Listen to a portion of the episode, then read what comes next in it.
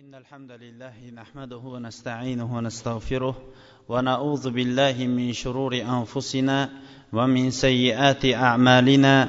من يهده الله فلا مضل له ومن يضلل فلا هادي له. وأشهد أن لا إله إلا الله وحده لا شريك له. وأشهد أن محمدا عبده ورسوله. ثم عما بعد السلام عليكم ورحمة الله وبركاته. Odatdagiday suhbatimizni boshlashdan avval biz alloh taoloning go'zal ismlari va oliy sifatlari bilan ushbu majlisimizni muborakli va turli xato va kamchiliklardan xoli bo'lgan majlislardan qilishligini tarqalishligimizda esa alloh taoloning ilm halaqalarini qidirib yuruvchi farishtalari bizlarga qarata ey ollohning bandalari endi sizlar o'rninglardan turaveringlar vaholanki sizlarning gunohinglar endi kechirilindi degan majlislardan qilishligini so'rab suhbatimizni boshlaymiz.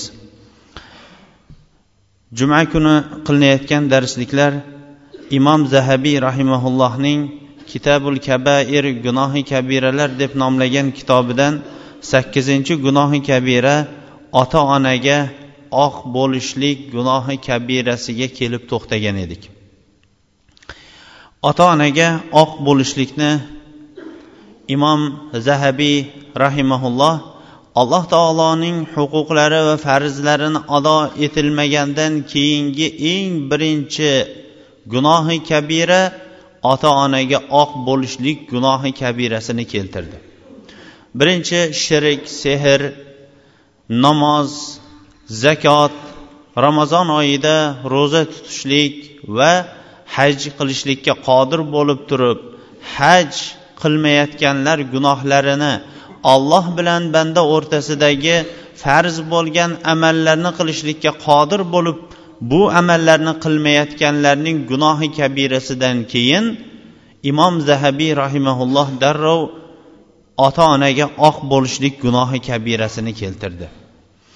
Alloh o'z rahmatiga olsin imom zahabiy rahimaullohni chunki oyatlardagi va payg'ambar alayhissalomning hadislarini jamlagan holatda ota onaning haqqi doim qur'oni karimda alloh taolo o'zining haqqidan keyin bog'laganligi uchun ham imom zahabiy rahimaulloh vojib farz amallar bajarilmagandan keyingi gunohi kabiraning birinchisini ota onaga oq bo'lishlik gunohi kabirasini zikr qilib tartib bilan tartiblagan ekan.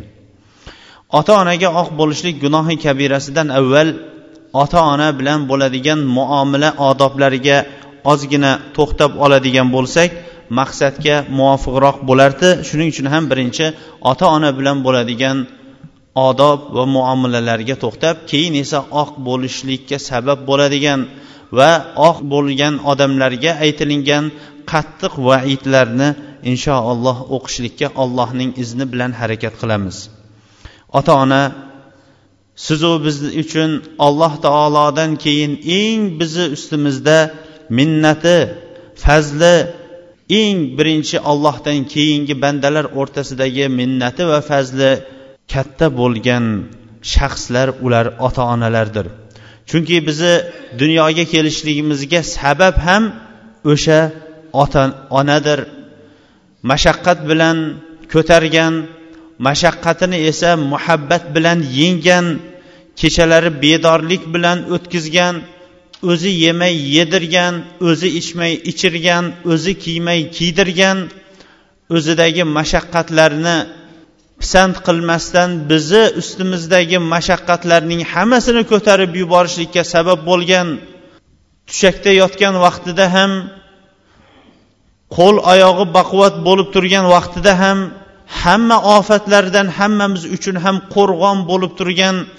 o'z nafsimiz uchun yig'lamagan vaqtimizda bizni ustimizdan yig'lagan kechalari bedorlikda yurganimizda bizni ustimizdan bezovta bo'lib xavotir olgan shaxslar ular ota ona bo'lganligi uchun ham qur'oni karimda ota onaga yaxshilik qilishlik haqidagi oyati karimalar nihoyatda ko'pdir. Qur'oni karimda ota onaning farzandga yaxshilik qilishligi haqida buyruq yo'q. Chunki alloh taolo ota onaning tabiatiga shunday bir tabiat soldiki yaxshilik qiling demasa ham yaxshilik qiladigan bir tabiatni soldi. Lekin ota ona bilan bo'ladigan o'rtadagi muomalalarning hammasida farzandlar ota onaga nisbatan yaxshilik qilishlikka buyurilindi. Alloh subhanahu va taolo qur'oni karimda auzu billahi minash shaytonir rojim va'budulloha va la tushriku bihi shay'a va bil validayni ihsana. Ollohning o'zigagina ibodat qilinglar va unga biron bir narsani sherik qilmanglar va ota onanglarga yaxshilik qilinglar deyapti. Mana bu oyatga agar bir nazar soladigan bo'lsak alloh taolo o'zigagina ibodat qilishlik va unga biron narsani sherik keltirishlikdan qaytarib turib eng birinchi buyruq bandalar o'rtasidagi ota onaga yaxshilik qilishlikka buyuryapti boshqa oyatda esa auzu billahi minash shaytonir rojim وقضى ربك ألا تعبدوا إلا إياه وبالوالدين إحسانا robbingiz uning o'zigagina ibodat qilishlikka va ota onaga yaxshilik qilishlikka hukm chiqardi deydi boshqa oyatda esa alloh subhanahu va taolo ota onalar o'rtasida onaning hurmati yuqoriroq ekanligini bayon etib turib auzu billahi minash shaytonir rojim ووصينا الإنسان بوالديه حملته أمه وهنا على وهن وفصاله في عامين أن اشكر لي ولوالديك إلي المصير biz insonga vasiyat qildik deydi alloh taolo biz insonga vasiyat qildik ota onasiga yaxshilik qilishlikka va xossatan o'zi zaif bo'lib turib zaiflik ustiga zaiflik bilan unga homilador bo'lib belida ko'tarib yurgan qornida ko'tarib yurgan onasiga yaxshilik qilishlikka va ikki yil mobaynida ko'krak suti bilan uni oziqlantirgan onasiga yaxshilik qilishlikka vasiyat qildik. Menga shukur qiling so'ngra ota onangizga va oxirat qaytajak o'rin menga qaytajaksizdir deydi. Alloh subhanava taolo mana bu oyatda onani otadan ko'ra yuqoriroq ko'tarib turib onaning haqqi yuqoriroq ekanligini o'zi zaif bo'lishligiga qaramasdan zaifligiga yana zaiflik mashaqqat ustiga mashaqqat bilan farzandni qorinda ko'tarib yurib zaiflik bilan uni keyin ko'zi yorishligi keyin esa ko'krak suti bilan uni oziqlantirishligi otaning haqqidan ko'ra yuqoriroq ekanligini alloh subhanava taolo bayon qildi. Shuning uchun ham payg'ambarimiz sollallohu alayhi vasallamning huzuriga bir kishi keldilarda man ahaqqun nasi man ahaqqun nasi bi husni suhbati? Faqala sollallohu alayhi vasallam ummuk bir sahoba payg'ambar alayhissalomning oldiga kelib odamlar ichida eng chiroyli hamsuhbat muomala qilishligimga kim haqliroq? dedi. Rasululloh alayhissalom onangiz dedi. So'ngra kim? dedi. Onangiz dedi. Undan keyinchi deganda onangiz dedi. Undan keyinchi deb to'rtinchi marta aytganida otangiz dedi. To'g'ri agarchi ota ham farzandning dunyoga kelishlikka vujudiga sabab bo'ladigan bo'lsa ham lekin onaning ham mashaqqati ko'proq bo'lganligi uchun ham onaning haqqini otaning haqqidan uch barobar payg'ambar alayhissalom yuqoriga qo'ydilar. Shuning uchun ham qozilar oldida tortishib turgan er xotinning qissasini keltirib ayol bilan er ajrashayotgan vaqtlarida ayol farzandni o'zini tomoniga olishlikni xohlab turib qoziga o'zining arzini aytib turgan vaqtda er ham farzandni o'ziga olishlikni xohlab turib qoziga arzini aytib turib men uni o'z sulbimdan vujudga keldi sulbimdan bu ayolga qo'ydim ana undan keyin bola vujudga kelmadimi ey qozi hazratlari?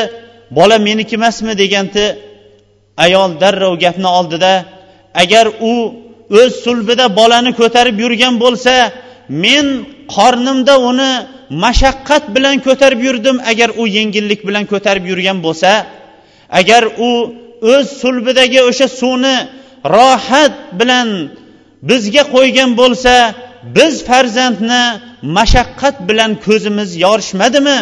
Uning ustiga mashaqqat ustiga mashaqqat bo'lib ikki yil ko'krak suti bilan oziqlantirganimizning o'zi ham katta mashaqqat emasmi deganda qozi bolani onaga bo'lib bergan ekan. Onaning ham haqiqatdan farzandga nisbatan haqqi ko'proq bo'lganligi uchun ham onaning haqqini shariatimiz otaning haqqidan ko'ra ulug'roq qo'ydi. Ota onaga yaxshilik qilishlik dinimizdagi eng asosiy alloh taoloning haqlaridan keyingi turadigan eng haq katta haq bo'lishiga qaramay payg'ambarimiz alayhissalom ota onaga yaxshilik qilishlikning samaralarini bayon qilib o'tdi. Anas ibn molik aytgan ekanlarki man sarrahu ayyumidda fi umrihi va yuzada lahu fi rizqihi falyaburra validayhi valyasil rahimahu imom ahmad musnatlarida sahih isnod bilan rivoyat qilgan. Aytgan ekanlarki kim umri uzoq bo'lishlikni xohlaydigan bo'lsa va rizqi ham keng bo'lishlikni xohlaydigan bo'lsa ota onasiga yaxshilik qilsin qarindosh urug'lari bilan bog'lansin degan ekan. Mol dunyoyim ko'paysin umrim ham uzun bo'lsin deganlar ota onasiga yaxshilik qilsin va qarindosh urug'lari bilan bog'lansin dedilar. Rasululloh sollallohu alayhi vasallam boshqa hadisda ota onaga yaxshilik qilishlik ota onaga yaxshilik qilishlik jannat emas balki jannatlarga kirishlikka sabab bo'lishligini bayon etdi. Payg'ambarimiz sollallohu alayhi vasallamdan imom ahmad o'zining musnadida sahih isnod bilan rivoyat qilgan hadisda bir kishi payg'ambar sollallohu alayhi vasallamning oldiga kelib ya rasululloh shahidtu an la ilaha illalloh va annaka rasululloh وصليت الخمس وأديت زكاة مالي وصمت رمضان فقال النبي صلى الله عليه وسلم من مات على هذا كان مع النبيين والصديقين والشهداء يوم القيامة هكذا ونسب أسبوعيه ما لم يعوق رسول الله عليه السلام oldiga bir kishi keldilarda yo rasululloh men ollohdan o'zga ibodat qilishlikka haqli bo'lgan zot yo'q deb va sizning ollohning elchisi ekanligingizga guvohlik berdim besh vaqt namozni o'qidim molimning zakotini berdim ramazon oyida ro'zani tutdim buning mukofoti nima deganda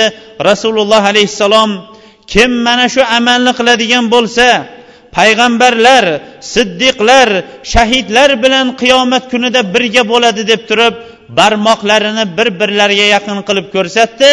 Madomiki oq bo'lib qolmaydigan bo'lsa dedi. Oq bo'lib qolishlik shunchalik katta islomning rukunlari bo'lgan amallarni barbod qilib yuborishlikka payg'ambarimiz alayhissalom ishora qilib o'tdi. Ota onaga qilinadigan amallar odoblarning ba'zilariga to'xtab o'tishlikdan avval ota onaga qilinadigan amallarning o'zi ikki qismdan iboratdir. Birinchi turdagi ota ona bilan bo'ladigan odob ota ona tiriklik vaqtini g'animat bilib ularga yaxshilik qilib qolishlik ikkinchi turdagi ota onaga yaxshilik qilishlik ota onalari olamdan o'tgan bo'lsa ularning ortlaridan yaxshilik qilishlik. Demak bu yerda yoshimiz qanchaga to'lishidan qat'iy nazar o'zimiz agarchi nevarali evarali bo'lib ketsak ham baribir baribir hammamiz ham demak farzandmiz. Farzand ota onalarimiz bir necha yillar muqaddam vafot etib ketgan bo'lsa ham demak ularning bizlar ustimizdagi haqlari hali hanuzgacha ham bordir. Birinchi turdagi ota onaga yaxshilik qilishlik odoblarning eng birinchisi farzand bilsinki ota onaga qanchalik yaxshilik qilmasin ular ota onaga qilgan yaxshilik oldida uning ota onasi o'ziga qilgan unga qilgan yaxshiligi oldida qilayotgan yaxshiligi hech narsa emasligini farzand yaxshilab bilib olmoqligi kerakdir. Abdulloh ibn umar roziyallohu anhuma haj amalini bajarardi. Kabaning atrofini atrofdan kelgan hojilar talbiya takbir va tavof bilan to'ldirgan odamlar zich bo'lib kabani tavof qilardi. Bir kishi o'zining onasini ko'tarib olgan holatda onasini kaba atrofidan tavof qildirib turib inni laha bairuhal muzallal ya'ni bu she'rni oxirigacha o'qimaymiz men onamning xorg'in bo'lgan bir tuyasiman qancha onamni ustimga mindirib olib qiynalgan bo'lsam ham qiyinchilikni sezmayman. Chunki onam meni o'z vaqtida ko'targan chunki onam meni o'z vaqtida ko'krak suti bilan oziqlantirgan. Ey robbim amalimni qabul qil deb turib kabani tavof qilib turardi. Abdulloh ibn umar roziyallohu anhuni u kishi uzoqdan ko'rdida abdulloh ibn umarning oldiga yaqinlashishlikka harakat qildi va yaqinlashdi. Keyin aytdiki ey abdulloh ibn umar ko'rib turganingizday men onamni o'z yurtimdan ikki yelkamga ko'targan holatda hajga ko'tarib olib keldim. Haj amallarini siz ko'rib turganday mana shunday ikki yelkamga ko'tarib turib bajartiryapman haj amalini. Aytingchi endi onamning haqqini ado qildimmi deganda abdulloh ibn umar roziyallohu anhu ikkilanmasdan yo'q ado qilmadingiz. Bir marta tug'ishlik vaqtidagi bitta to'lg'og'ining ham haqqini ado qilganingiz yo'q dedi. Shuning uchun ham har bir farzand bilmoqligi kerakki ota onaga qilgan har bir yaxshiligi ota ona hammamizga qilib qo'ygan yaxshilik oldida bu yaxshilik hisoblanmasligini eng birinchi biladigan narsa u farzandning bo'ynidagi vojib bo'lib biladigan amali mana shu bo'lmoqligi kerakdir. Farzandlarning ota onaga nisbatan bo'ladigan odoblarining ikkinchisi ota onaga doim salom berishlik.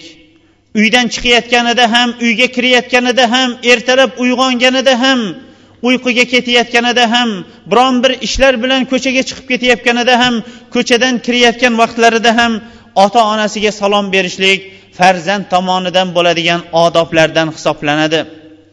Abu hurayra roziyallohu anhu rasululloh alayhissalomning ashoblaridan va eng ko'p hadis rivoyat qilishlik bo'yicha oldinda turadigan abu hurayra roziyallohu anhu bu bobda hammamiz uchun ham ustozlik qiladi. U kishi agar eshikdan chiqib ketmoqchi bo'ladigan bo'lsa assalomu alaykum ya ammata va rahmatullohi va barakatuh. Allohning salomi bo'lsin ey onaginam va sizga allohning rahmati va barakoti bo'lsin deydigan bo'lsa onasi ham. Ey o'g'lim sizga ham allohning rahmati va barakoti bo'lsin desa abu hurayra roziyallohu anhu unga javoban olloh sizni rahmatiga olsin xuddi siz bizni yoshlik go'daklik davrimizda rahmatingizga olganingizga o'xshash desa onasi olloh sizni ham o'z rahmatiga olsin biz qarib qolib kuchimiz ketgan zaiflik davrimizda o'zingizning rahmatingizga olganga o'xshash deb javob berar edi. Qachon uylariga kirsalar chiqsalar ertalab tongda tursalar va yotish oldida mana shunday bir birlarining haqlariga salom duolarini aytishar edi. Ota ona bilan bo'ladigan odoblarning yana bittasi ota ona bilan bo'layotgan gapda muloyim gaplashishlikdir. Alloh subhanahu va taolo vahfid lahuma janaha zulli minar rahma ota onangizning huzurida rahmat qanotlarini yozgan holatda oldilarida xorg'in holatda xor bo'lib turing deydi. Abdulloh ibn umar bir kishiga vasiyat qilib aytdilarki jahannamdan qochishlikni va jannatga kirishlikni xohlaydigan bo'lsangiz agar ota onangiz tirik bo'ladigan bo'lsa ularga muloyim ravishda gapiring. Nihoyatda shirin va muloyim gapiring va ularni yediring ichiring. Ana shunda jannatga kirasiz. Modomiki gunohi kabiralardan chetlanadigan bo'lsangiz dedilar. Ota onaga gapni muloyim qilib gapirishlik bu har bir farzandning shiori bo'lmoqligi kerakdir. Chunki sahoba va tobiinlarning bu boradagi hayotiga bir nazar tashlanadigan bo'lsa ba'zilari hokimlarning oldidagi gapini to'g'ri topib gapirardiyu lekin ota onasining oldiga kelgan vaqtida gapini topa olmasdan gap topolmasdan gapni past ravishda ovozini past qilgan holatda ular gapirishardi deydi. Ota ona bilan bo'ladigan odoblarning yana bittasi ota onaning huzurida ovozini ko'tarmaslik. Ota ona huzurida ovozini ko'tarishlik ham katta gunohlarning bittasi hisoblanadi. Biz mana shu o'rinda modomiki mavzuimiz ota onaga oq bo'lishlik gunohi kabirasi bo'ladigan bo'lsa bizda bitta ota onaga nisbatan bo'ladigan katta bir xato tushuncha bor. U ham bo'lsa ota ona oq degan insongina ota onasi oq qilgan insongina oq bo'lgan inson deb tushuniladi. Va hokazo insonlarda mana shu tushuncha bor. Vaholanki oq bo'lishlik degani ota onaning seni oq qildim deyishligi shart emas degan ulamolar. Ba'zi ulamolar aytganki ota onasining ismini bilan chaqirib qo'yishlikning o'zi oq desa boshqa bir ulamolar aytganki ota onasining oldida ovozini ko'tarib gapirishlik oq bo'lishligi desa boshqa bir ulamolar aytganki ota onasining amriga itoat qilmaslikning o'zi oq bo'lishlik degan. Va ba'zi bir ulamolar aytgan ekanki ota onasining yuziga tik boqib turishlikning o'zi ham oq bo'lishlik degan ekan. Demak bizni tushunchamiz. Ota ona to oxiriga yetib iloji yo'q bo'lgan vaqtida seni oq qildim degan gapi u oq bo'lishligi emas ekan. Undan avvalgi holatda ham farzandlar oq bo'lib qolishligi mumkin ekan. Alloh subhanahu va taolo bu yerda ularning huzurida ota onangizning huzurida xorigin bo'lgan holatda rahmat qanotlarini yeyib turing deydi. Muhammad ibn sirin mashhur tobiinlardan bu kishi o'zi buyuk qozi ham bo'lgan ekan. Qozixonada hukmni shunday chiqarar ediki insonlarga ovozini ko'tarib gapirar edi lekin onasining huzuriga kirsa bu insonni muhammad ibn sirinni hech kim qozi deb o'ylamasdi. Balki oddiy bir insonmikan deb qolardi onasining oldida shunchalik horg'in bo'lib ovozini onasining ovozidan baland ko'tarmasdi. Onasi gapiradigan bo'lsa uni qayta takrorlashlikni so'ramasdi. Onasi ba'zan biron narsani gapirsa tushunmay qoladigan bo'lsa onasi chiqib ketgandan keyin onam nima dedi tushunmay qoldim deydigan ravishda onasiga xorgin holatda turardi. Oysha roziyallohu anhu aytadiki rasululloh alayhissalomning ashoblari o'rtasida ikkita kishi ota onasiga yaxshilik qilishlikda bir ajib bizlar uchun namunani tashlab ketgan edi. Ularning bittasi usmon ibn affon roziyallohu anhu anhu ikkinchisi esa harisat ibn nu'man roziyallohu anhumalar. Ammo usmon roziyallohu anhu aytadiki onamning yuzini qanchalik ekanligini o'zgalarga sifatlab bera olmayman. Chunki onamning yuziga umr bo'yi biron bir marta tik qaramaganman degan ekanlar. Ammo horisa bo'lsa o'zining qo'li bilan onasini xuddi yosh bolani ona ovqatlantirganga o'xshash qo'li bilan onasini luqma luqma berib ovqatlantirardi. Biron bir gapni gapiradigan bo'lsa u gapni ikkilantirib ikki marta ayttirmasdi. Ya'ni birinchi ayttirgan aytgandagina uni bajarardi tushunmay qoladigan bo'lsa chiqqanidan keyin onasi huzuridan chiqib ketganidan keyin onam nima dedi tushunmay qoldim deb o'zgalardan so'rar edi. Abdulloh ibn avn rahimaulloh bir kuni onasi ey abdulloh! deb abdulloh ibn avnni chaqirdi. Abdulloh ibn avun rahimaulloh esa onasining ovozidan balandroq qilib ovozini ko'tarib turib labbay onajon! deb turib onasining ovozidan ko'ra o'zining ovozini balandroq ko'tarib yubordida keyin o'zi qo'rqib ketdi. Oq bo'lib qoldimmikin? deb qo'rqib ketdi. Bu javobi onasiga labbay deb onasining ovozidan baland qilib qo'yganligi uchun boshqa javoblar emas endi shuni yaxshilab tushunib olmoqligimiz kerak. Keyin uning kafforatiga deb turib ikki qulni ozod qilgan ekanlar. Ota ona bilan bo'ladigan odoblarning yana bittasi yurishda ota onaning oldiga tushib ketmaslik. Ota onaning orqasida yurishlik va xossatan otaning orqasida yurishlik ota ona bilan bo'ladigan odoblarning bittasi hisoblanadi. Ba'zilar o'zlarining vasiyatlarida o'zlarining farzandlariga qilgan vasiyatlarning ba'zilari otangning oldiga tushib yurmagin chunki otangning oldiga tushib yurishlik ham gunohi kabiralardan bittasi degan ekanlar. Lekin shu o'rinda ba'zi ulamolar agar yo'l xatarli bo'ladigan bo'lsa yoyinki yo'l qorong'u bo'ladigan bo'lsagina xatarni oldini olishlik qorong'uliknidagi yo'lni oldini to'g'irlab ketishlik uchungina farzand otaning oldida yursa bo'ladi. Bo'lmasam boshqa o'rinlarning birontasida farzand ota onaning oldida yurishligi mumkin emasdir degan ekanlar. Ota onaga yaxshilik qilishlik odoblarning yana bittasi ota ona xursand bo'ladigan rozi bo'ladigan o'rinlarni topib turib o'sha amallarga o'shanaqa o'rinlarga harakat qilishlik ota onani rozi qiladigan amallarni ota onaga taqdim qilishlikdir.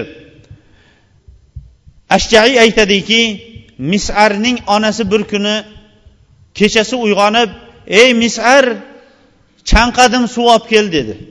Ey misar chanqadim suv olib kel dedi. Misar darrov o'rnidan turdida suv olib keldi. Suv olib kelsa onasi uxlab qolgan ekan. To tonggacha muazzinlar azon aytgunga qadar onasining boshida suvni ko'tarib turdi yana chanqab uyg'onib qoladigan bo'lsa chaqirishidan avval suvni beray deb turib. Odoblarning yana bittasi ota ona bilan bo'ladigan odoblarning yana bittasi farzand taomga qo'lini ota onadan avval cho'zmasligi. Mana bu ham alloh taologa beadad hamdlar bo'lsin bizni yurtlardagi katta bir saqlanib qolgan odoblar hisoblansa ham lekin sahoba va tobiinlar tarixiga qaraladigan bo'lsa bu odob bizni odobimiz bu bobdagi odobimiz ularning odobi oldida hech narsa ekanligi hech narsa emas ekanligini tushunamiz. Zaynul abidin ibn husayn roziyallohu anhu onasiga ko'p yaxshilik qiladigan insonlarning bittasi hisoblanar edi. Siz dedilar u kishiga ba'zi odamlar onangizga ko'p yaxshilik qilasiz. Lekin nimagadir onangiz bilan hech ham ovqat yemaysiz. Onangiz ovqat yeydigan bo'lsa siz o'tirib olasizu yonida hech ham ovqat yemaysiz. Buning sababi nima? deb so'raganda u kishi aytgan ekanki onam yemoqchi bo'lib turgan luqmani yeb qo'yishlikdan qo'rqib onamning oldida o'tiraman lekin u kishi bilan birga ovqat yeyolmayman degan ekan. Ota ona bilan bo'ladigan odoblarning yana bittasi ota onaning iznisiz safar qilmaslik. Mana bu ham bugungi kunda ko'p yoshlarimizda yo'qolib qolayotgan odoblar hisoblanadi. Ko'pchilik safarda o'zining uzoq qasr masofalari masofalari bo'lsa ham uzoq qasr masofasi bo'lsa ham o'sha yoqqa yetib olganidan keyin ota onaga ba'zan xabar berib ba'zan xabar xabar bermasdan ota onani bezovta holatga tushishlikka sabab bo'lishligi ham bu ota onaning rohatini yo'qotishlik hisoblanadi. Rasululloh sollallohu alayhi vasallamga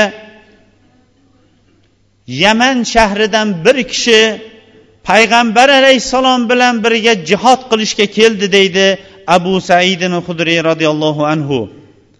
Payg'ambar alayhissalom bilan birga bo'laman safarida ham muqim turganida ham jihodda ham birga bo'laman dedi. Shunda rasululloh alayhissalom u kishiga ota onangiz bormi? dedi. Ha ota onam bor deganda ulardan ruxsat so'radingizmi? dedi. Yo'q dedi. Shunda aytdiki boring ulardan ruxsat so'rang so'rang. Agar ruxsat beradigan bo'lsa keling ruxsat bermaydigan bo'lsa ularga yaxshiligingizni davom ettiravering dedi. Qarang payg'ambarimiz alayhissalom o'zi bilan sahobalik darajasida birga yurishlikka safarda ham muqimda ham birga muqim holatida ham birga turishlikka sabab bo'ladigan katta bir fazilat egasi bo'lishligidan payg'ambarimiz alayhissalom qaytardida o'shandan ham ulug'roq bo'lgan savobni ota onangizga borib o'shalarning yaxshiligini qiling dedi. Boshqa hadisda chunki ularning oyog'ining tagida jannat bordir dedilar. Ota onaga qilinadigan odoblarning yana bittasi ota onaning g'azabini keltirib qo'yishlikdan ehtiyot bo'lishlik. Chunki payg'ambarimiz sollallohu alayhi vasallam ibn masud roziyallohu anhudan rivoyat qilgan hadisda salasatun la turaddu da'vatuhum uch kishining duosi qaytarilmaydi dedilar. Ularning birinchisi musofirning safarda qilgan duosi ikkinchisi esa ota onaning farzandga qilgan duosi uchinchisi esa mazlum kishining qilgan duosi qaytarilmaydi dedi. Shuning uchun ham har bir farzand ota onaning jahlini chiqarib qo'yib o'ziga qattiq va og'ir duo olib qo'yishlikdan har bir farzand ehtiyot bo'lmoqligi kerakdir. Shu o'rinda ham har bir ota onaga ham eslatib o'tmoqchi o'tmoqligimiz kerakki ko'pchilik ota onalar jahl chiqqan vaqtlarida o'zlarining farzandlariga og'ir bir duo duoibat duolarni aytib yuborishadi. Ba'zilari esa la'natlashadi ba'zilari esa o'limini so'raydigan ba'zi bir og'ir duolarni aytib yuborishadida keyin o'zining ko'zining o'ngining oldida farzandiga o'sha la'natning tegib qolganligi o'zi qilgan duoning duoibatning asorati bo'lganidan o'zi qiynalib yuradi. Shuning uchun ham ota onalarga bu bobda jahl chiqqan o'rinda farzandlariga duoibat qilishlik o'rnida sabr qilishlikka ularni chaqirgan bo'lardik. Chunki sizning jahlingiz chiqibmi jahlingiz chiqmaymi rozi bo'libmi bo'lmay qilgan duoyingizning hammasi ollohning huzurida ijobat bo'ladigan duolardan hisoblanadi. Bu o'rinda jurayj qissasini ham keltirgan lekin vaqtimiz unga uncha ko'p yetmaganligi uchun ham qissaning hammasini ham to'liq bayon etmaymizda ma'nosiga to'xtalishlik bilan kifoyalanamiz. Imom buxoriy o'zining sahihida payg'ambarlar kitobi deb ajratgan bobida banu isroildan o'tgan obid zohid bo'lgan jurayj degan kishining qissasini keltiradi. Payg'ambarimiz sollallohu alayhi vasallam uni bizga hikoya qilib berib aytdiki bir kuni jurayjning onasi kelib ey jurayj! deb chaqirdi. Jurayj o'zining ibodatxonasida namoz o'qib turardi. Shunda u aytdiki onamga qaraymi yo namozimda bardavom bo'lib namozimni o'qiyveraymi dedi. Bir ikki chaqirgandan keyin onaning ham toqati toq bo'ldida aytdiki senga biron bir tuhmat bo'lmaguncha dunyodan o'tmagaysan deb qaytib ketdi. Ozroq vaqt o'tgandan keyin bir ayol shu qishloqning podachisi bilan birga bo'lib farzand vujudga kelib qoldi. Farzand benikoh bo'lgan farzand edi. Benikoh bo'lgan farzanddan o'sha ahlning hammalari jirkanishib ayolni o'rtaga kelib o'rtaga chiqarishib hukm chiqarib turib buning otasi kim? deganda ayol tuhmat toshini otib turib buning otasi jurayj dedi.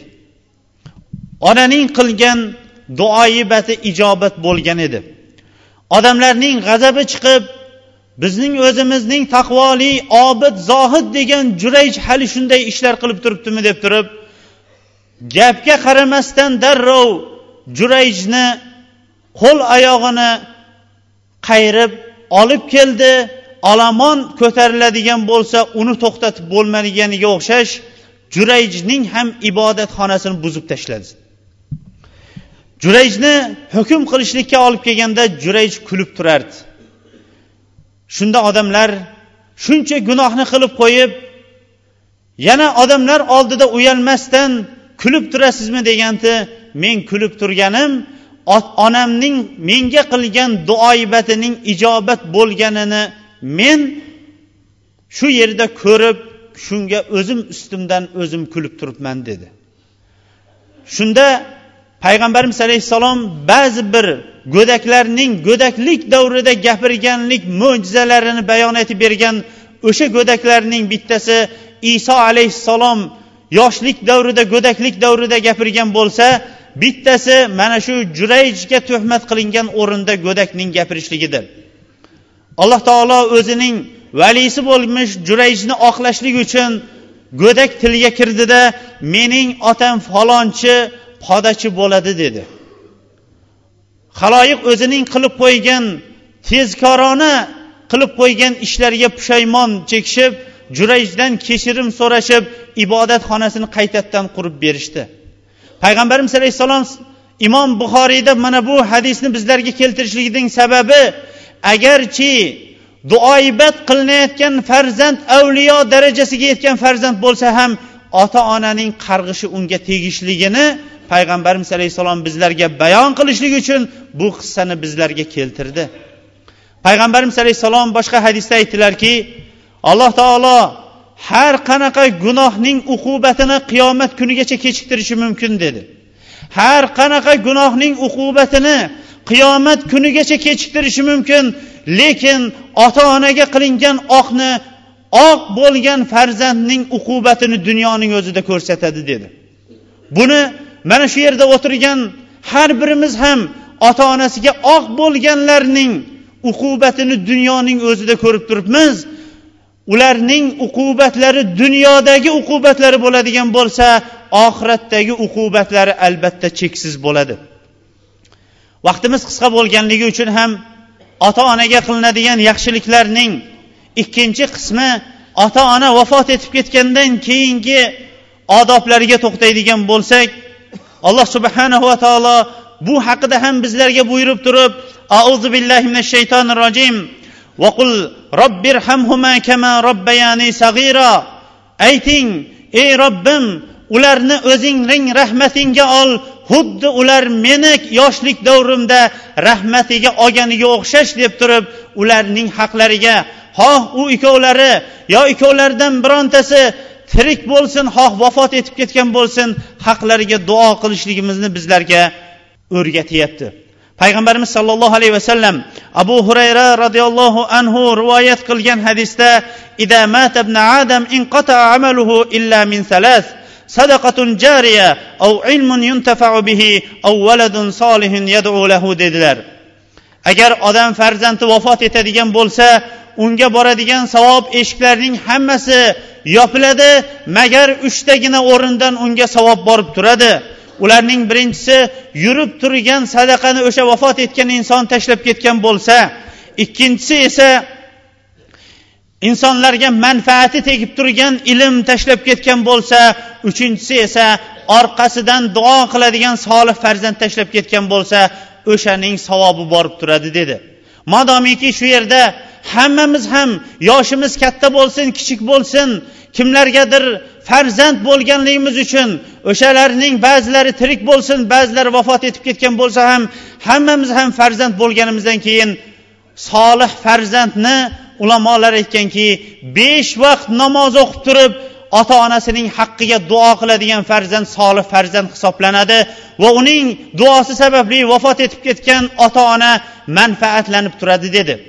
Payg'ambarimiz alayhissalom aytmadilar namoz o'qimasdan yilda bir marta xatm qur'on qilib qo'yib domlalarni chaqirib turib ota onasining haqqiga duo qiladiganlarning duosi ota onasiga savobi yetib turadi demadilar. Balki namozlarida va namozdan boshqa o'rinlarida ota onasiga doim haqlariga duo qiladigan solih farzand dedilar. Solihlikning eng birinchi sharti duo qabul bo'lishlik o'rinlarini tanlaydigan namoz o'qishlikdir.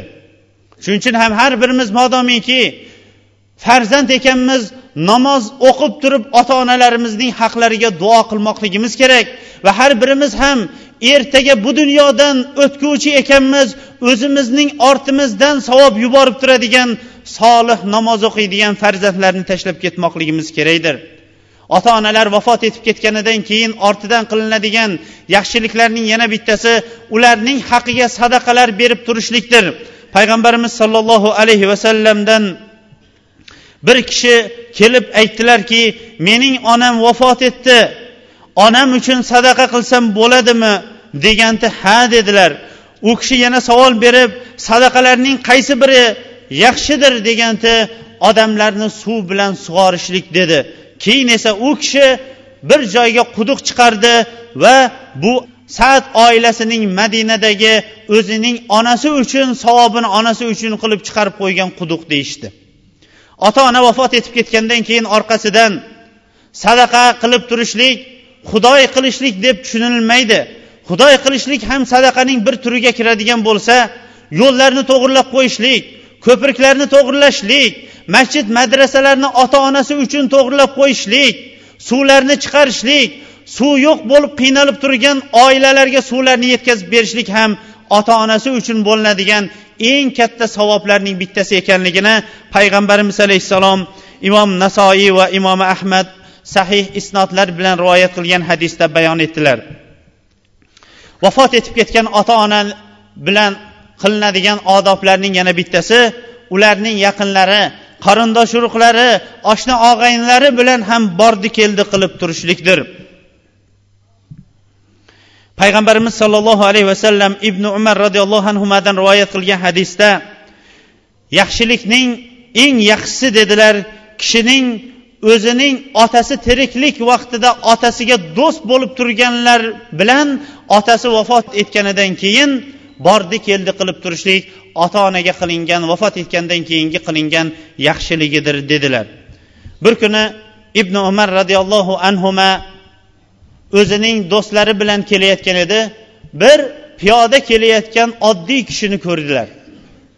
Darrov o'zining hachiridan tushib u kishining peshonasidan o'pib boshidagi sallani u kishiga kiydirib hol ahvolidan so'rab hachiriga o'tkazib u kishini kuzatib qo'ydi. Buni ko'rgan odamlar hayron qolib bir ko'rinishda faqir miskin ko'ringan kishini bunchalik e'zozlab hurmatlab yubordingiz deganda bu otam umarning do'sti edi. Biz otalarimizning do'stlari bilan vafot etganidan keyin mana shunday muomala qilishlikka buyurilganmiz dedilar.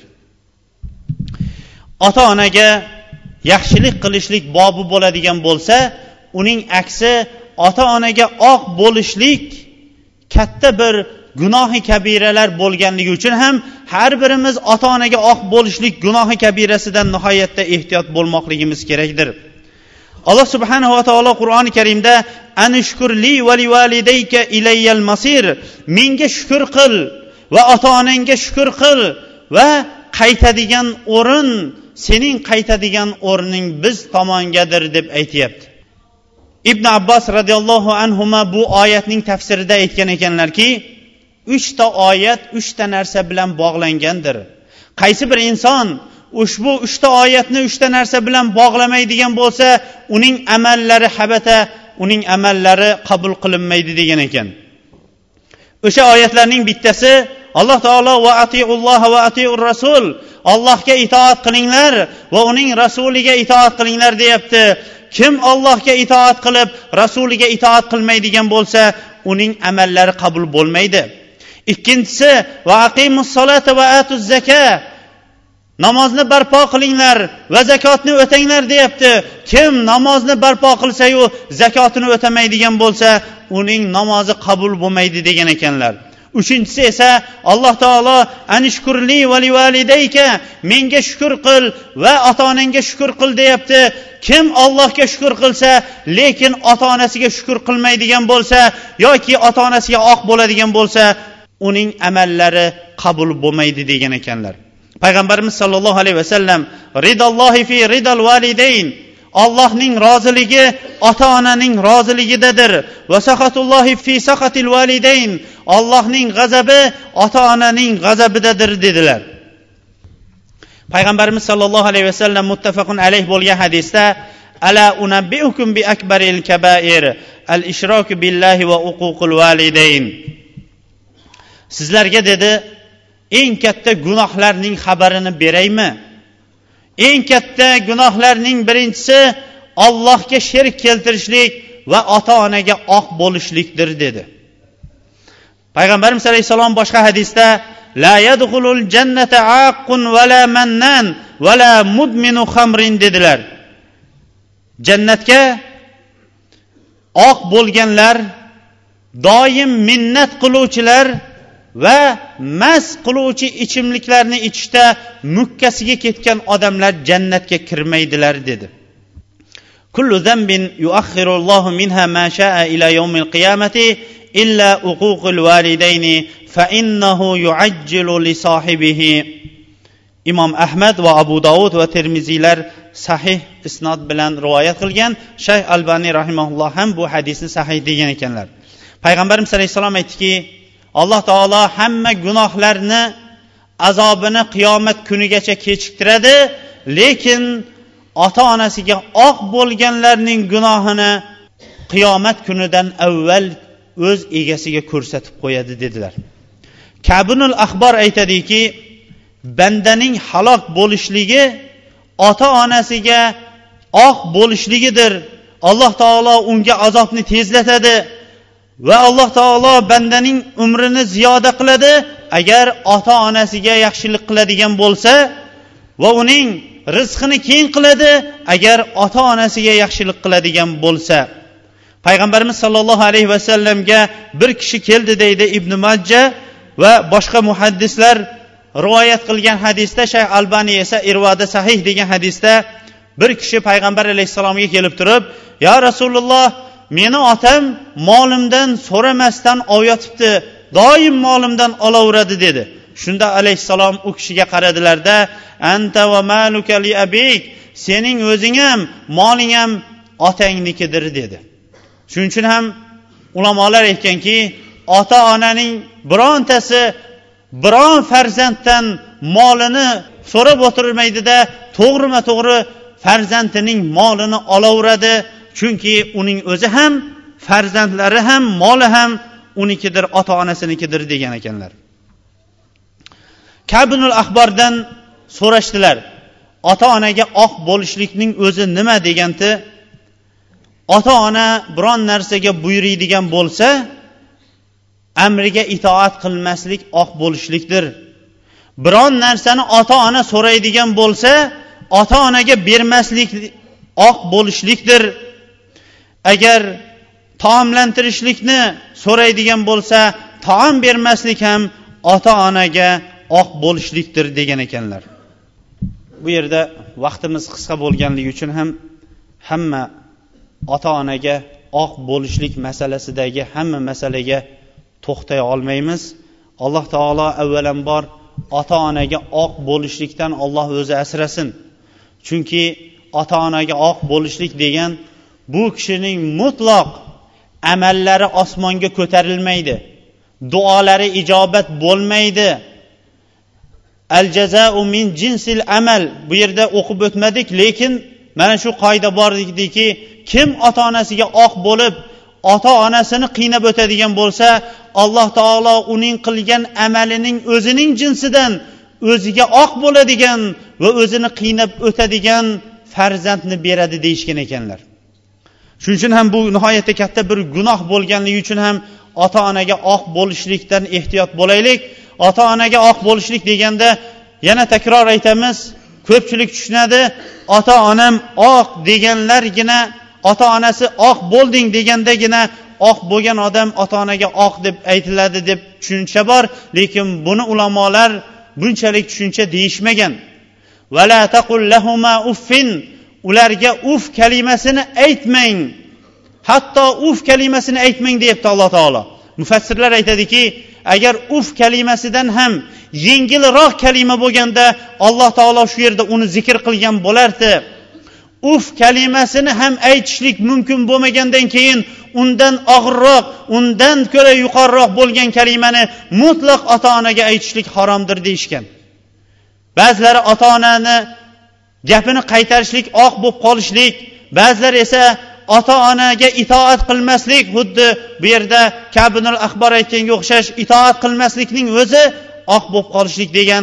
Shuning uchun ham ibn umar roziyallohu anhuga kelgan haligi sahoba sahoba kabi hammamiz ham ota onamizga burnimizdan xalqqa o'tkazib qo'yilgan tuya kabi hammamiz ham ularga itoat qilishlikka buyurilganmiz. Bugun juda ko'p savollar ham ko'p bo'libdi vaqtimiz yetganicha tez tez javob berishlikka inshaalloh harakat qilamiz. Bu yerda bizga muftiy hazratidan ham xat kelgan. Bu xat hamma qozog'iston bo'yicha hamma masjidlarga ham o'qilinadigan xat. Albatta e, podshohning amri vojib bo'lganligi uchun ham bu qayta qayta aytilayotgan masala. Xatning hamma mazmunini hammasini o'qib chiqmaymizda qisqa ma'nosini bayon qilib o'tamiz. Xatda muftiy hazratlari bizni mana shu davrda tinchlik xotirjamlik davrida mamlakatimiz esa dinni qo'llab quvvatlab turgan vaqtda mana bu tinchlik zamonini o'zimizga g'animat bilishligimizni eslatib gapini boshlaydilar. Va bu g'animat bo'lgan vaqtda insonlar o'zlarining dinlari ustida o'zlari ustida o'zlari ishlab o'ziga ixtilofli bo'lgan masalalarni ko'tarmasdan tinchligimizni yo'qotib qo'yishlikka sabab bo'ladigan ixtilofli masalalarga bartaraf berishlikni hamma ham qo'llab quvvatlab bir jon bir tan bo'lishlikka chaqiradi. Va ixtilofli bo'ladigan masala fiqiy masalalarda abu hanifa noman ibn sabit rahimaullohning mazhabida hamma masjidlarda ham namoz o'qishlik va ixtilofli bo'ladigan masalalarni ko'tarishlikni bartaraf qilishlikka hammamizni ham xatlarida chaqiradi. Xatning mazmuni mana shundan iborat. Ho'p savol deydi men jamoa bilan namoz o'qisam lekin shu qavmning imomi yoki domlasining uyida avliyo bor ekan.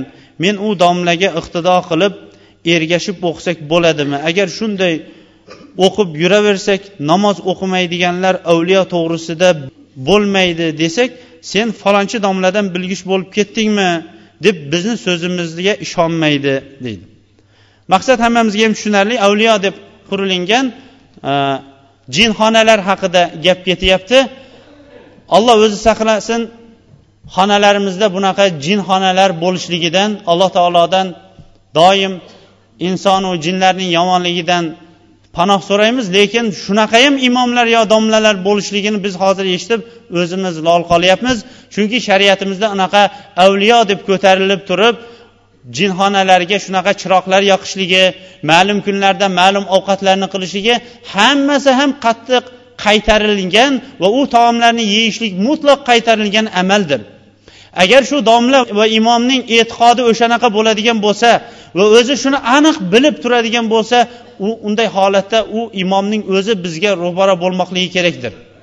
Ba'zi imomlar buning hukmini bilmaydigan bo'lsa lekin hukmini bilmaydigan bo'lsa deyishlikka ham odam o'zi uyalib turib aytadi shu kungacha o'sha uylarga ko'tarilgan avliyo deb ko'tarilib qo'yilgan jinxonalarning hukmini bilmagan odam vallohu alam qolmagandir. Qishlog'imizda mana ularni qanaqa qilib ketkazamiz qanaqa qilib yo'qotamiz buzadigan bo'lsak molimizga jonimizga urishi mumkin deb qo'rqadiganlar bo'lsa kesin o'qib hamma jinlarni tugib yo'qotib beradigan yigitlarimiz bor borib o'qib yo'qotib berishadi. Va bu odam agar shu e'tiqodda bo'ladigan bo'lsa alloh taologa shirk keltirayotgan hisoblanadi. Va bugundan e'tiboran tavba qilib imom bo'lsin imom bo'lmasin amallari mana bu yerda hamma amalda boshida shirik shirik shirik deb kelyapti. Bularning hammasi allohga sherik keltirishlik. Shuning uchun ham imomlarni avvalambor o'shanga chaqirgan bo'lardik. Agar imomlarda shunaqa e'tiqod bo'ladigan bo'lsa orqadagi ovom xalqdan nimani umid qilamiz? Agar imomlar ichida shunaqa imomlar tushunmayotgan yo qo'rqayotgan imomlar bo'lsa kesin. Yoki umumiy ovom xalqlar ichida shunaqa uni buzolmayotgan odamlar bo'lsa kesin buzib beradigan yigitlarimiz inshaalloh qishlog'imizda bordir. Namoz vaqtlari namoz taqvim kitobiga to'g'rimi yoki e, kundan ham bilsa bo'ladimi? Chunki ba'zi bir masjidlarda taqvim kitobidan burun azon chaqiriladi. E, ayollar uyda azon chaqirish bilan uyda o'qiydi u qanday bo'ladi debdi. Ho'p taqvim alhamdulillah shu kunlarda mana chimkent shahridan chimkentga viloyatni hammasiga to'g'ri keladigan taqvim har bir rayonga to'g'ri keladigan qilib chiqarilyapti.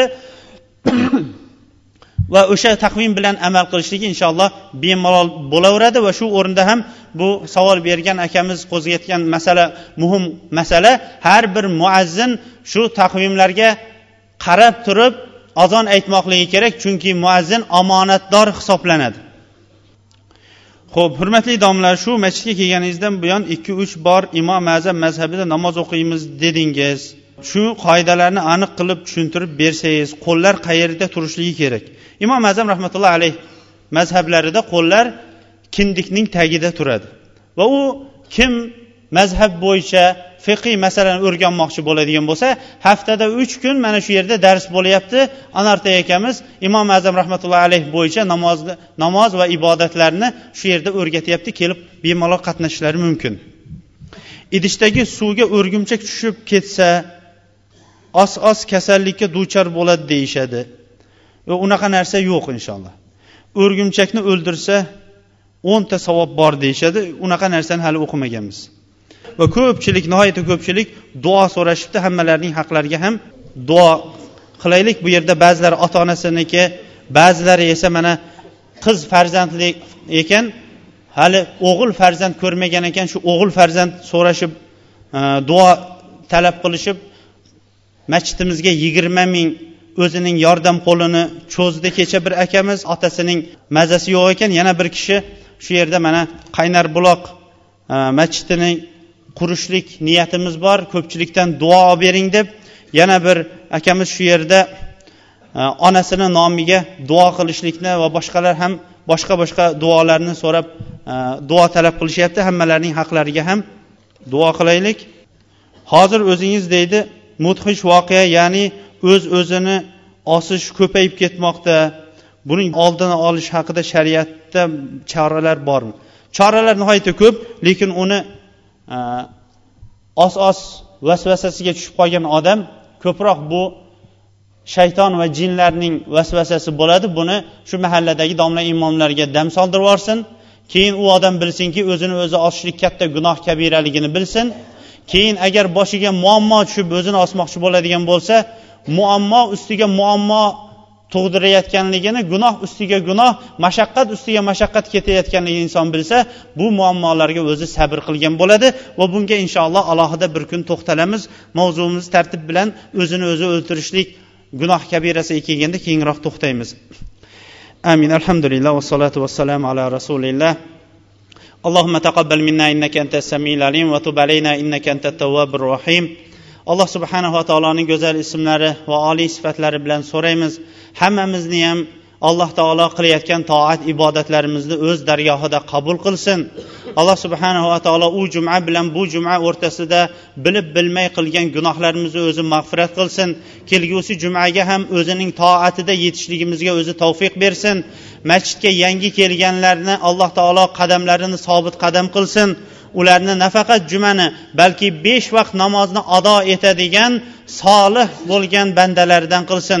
Alloh subhanava taolo mana farzand so'rayotganlarga o'zlari o'ylagandan ham ortiqroq bo'lgan o'g'il qiz so'rayotganlarga o'zlari o'ylagandan ham ortiqroq.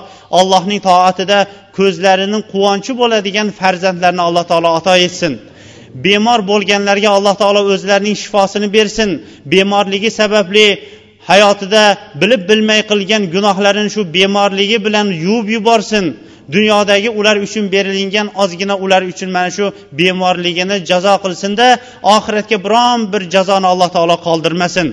Alloh subhanava taolo qarzdor bo'lib yurgan aka ukalarimizni alloh taolo hammalarini ham qarzlarini ado etishlikda o'zi madad bersin.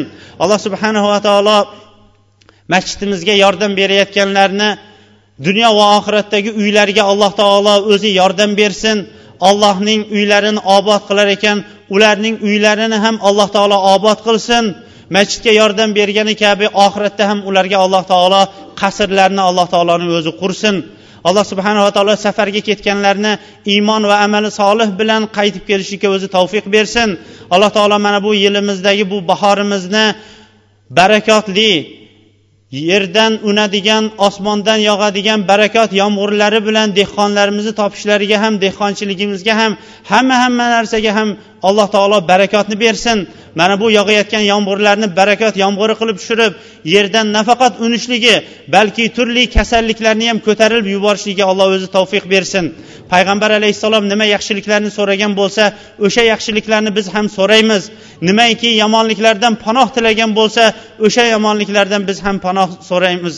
ربنا آتنا في الدنيا حسنة وفي الآخرة حسنة وقنا عذاب النار وصلى الله تعالى خير خلق محمد وعلى آله وصحبه أجمعين برحمتك يا أرحم الراحمين.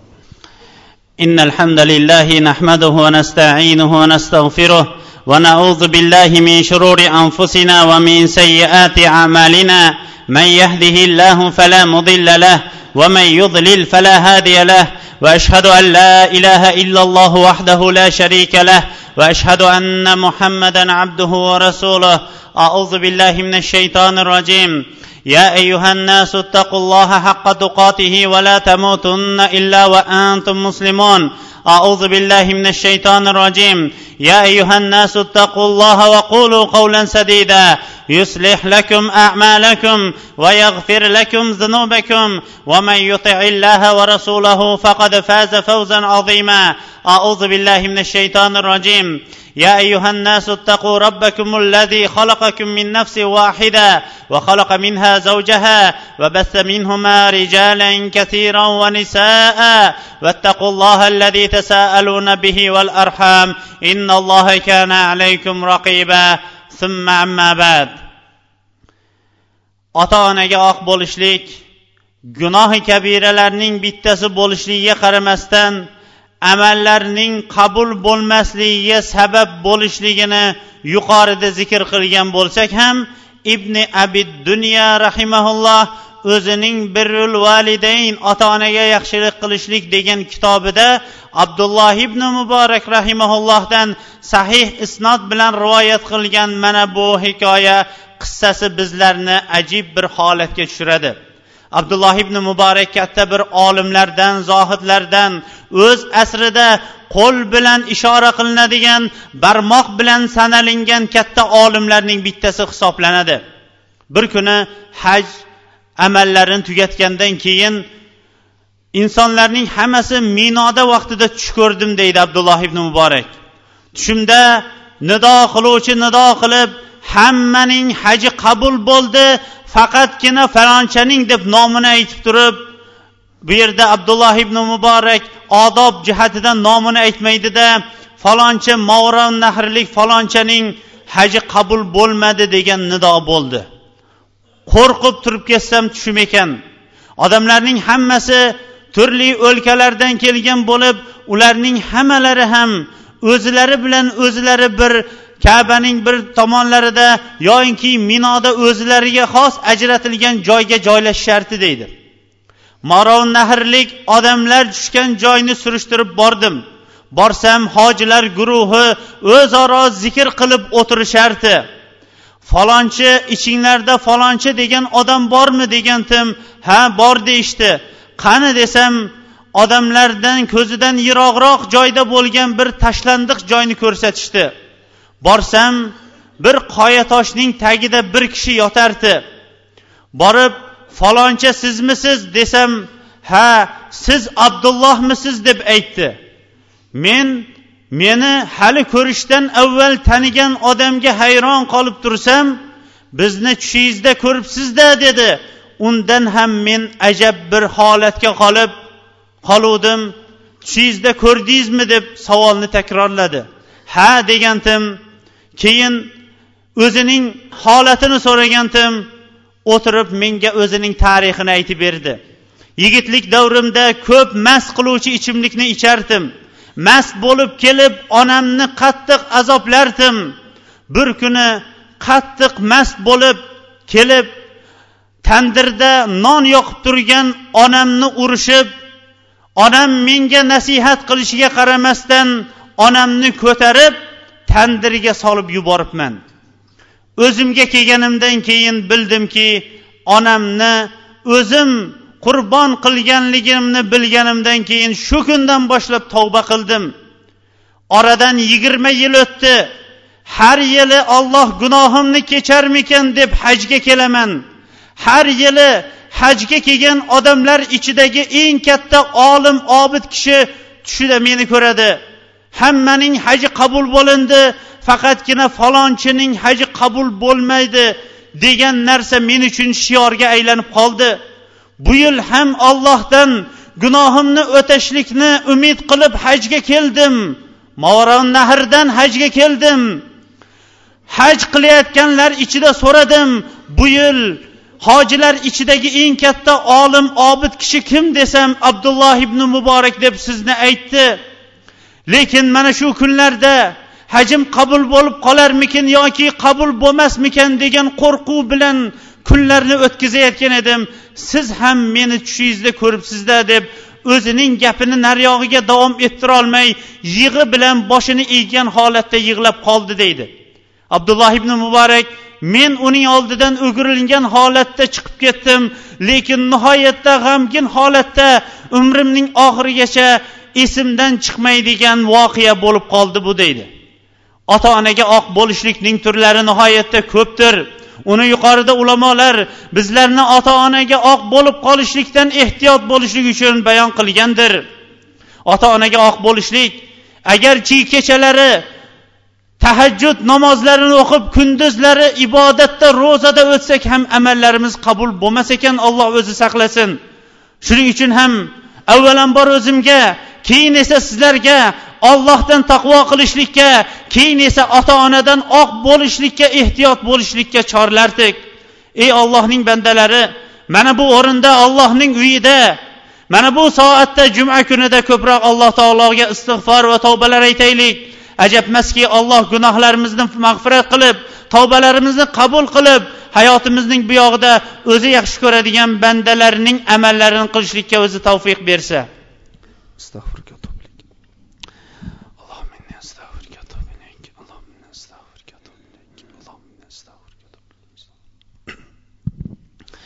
alhamdulillahi robbil alamin.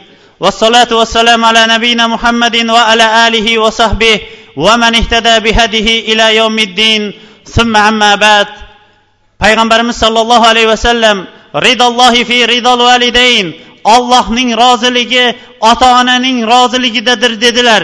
Shuning uchun ham ulamolarimiz aytganki agar ota bilan ona yigitga biron bir qizni ma'qul topadigan bo'lsa ota onaning o'yidan ko'ra oldinga yigit o'zining boshqa o'yini qo'ymasligi kerakdir. Agar ota ona o'zining qizini biron joyga munosib deb o'sha joyga berishlikni ma'qul deb topib turadigan bo'lsa qiz ham ularning fikriga qarshi bo'lmasligi kerakdir degan. Xuddi shunday agar nikoh va oila bobida ota onaga qarshi chiqilinmaydigan bo'lsa dunyoviy ishlarda mutlaq ota onaga qarshi chiqilinmaydi. Mana bu soatda payg'ambar alayhissalomga ko'proq salotu salomlar yo'llaylik. Chunonchi payg'ambar alayhissalom o'ziga juma kunida ko'proq salotu salomlar yo'llashlikka buyurgan innalloha va malaikatahu yusalluna alan nabiy يا أيها الذين آمنوا صلوا عليه وسلموا تسليما. اللهم صل على محمد وعلى آل محمد كما صليت على إبراهيم وعلى آل إبراهيم إنك حميد مجيد.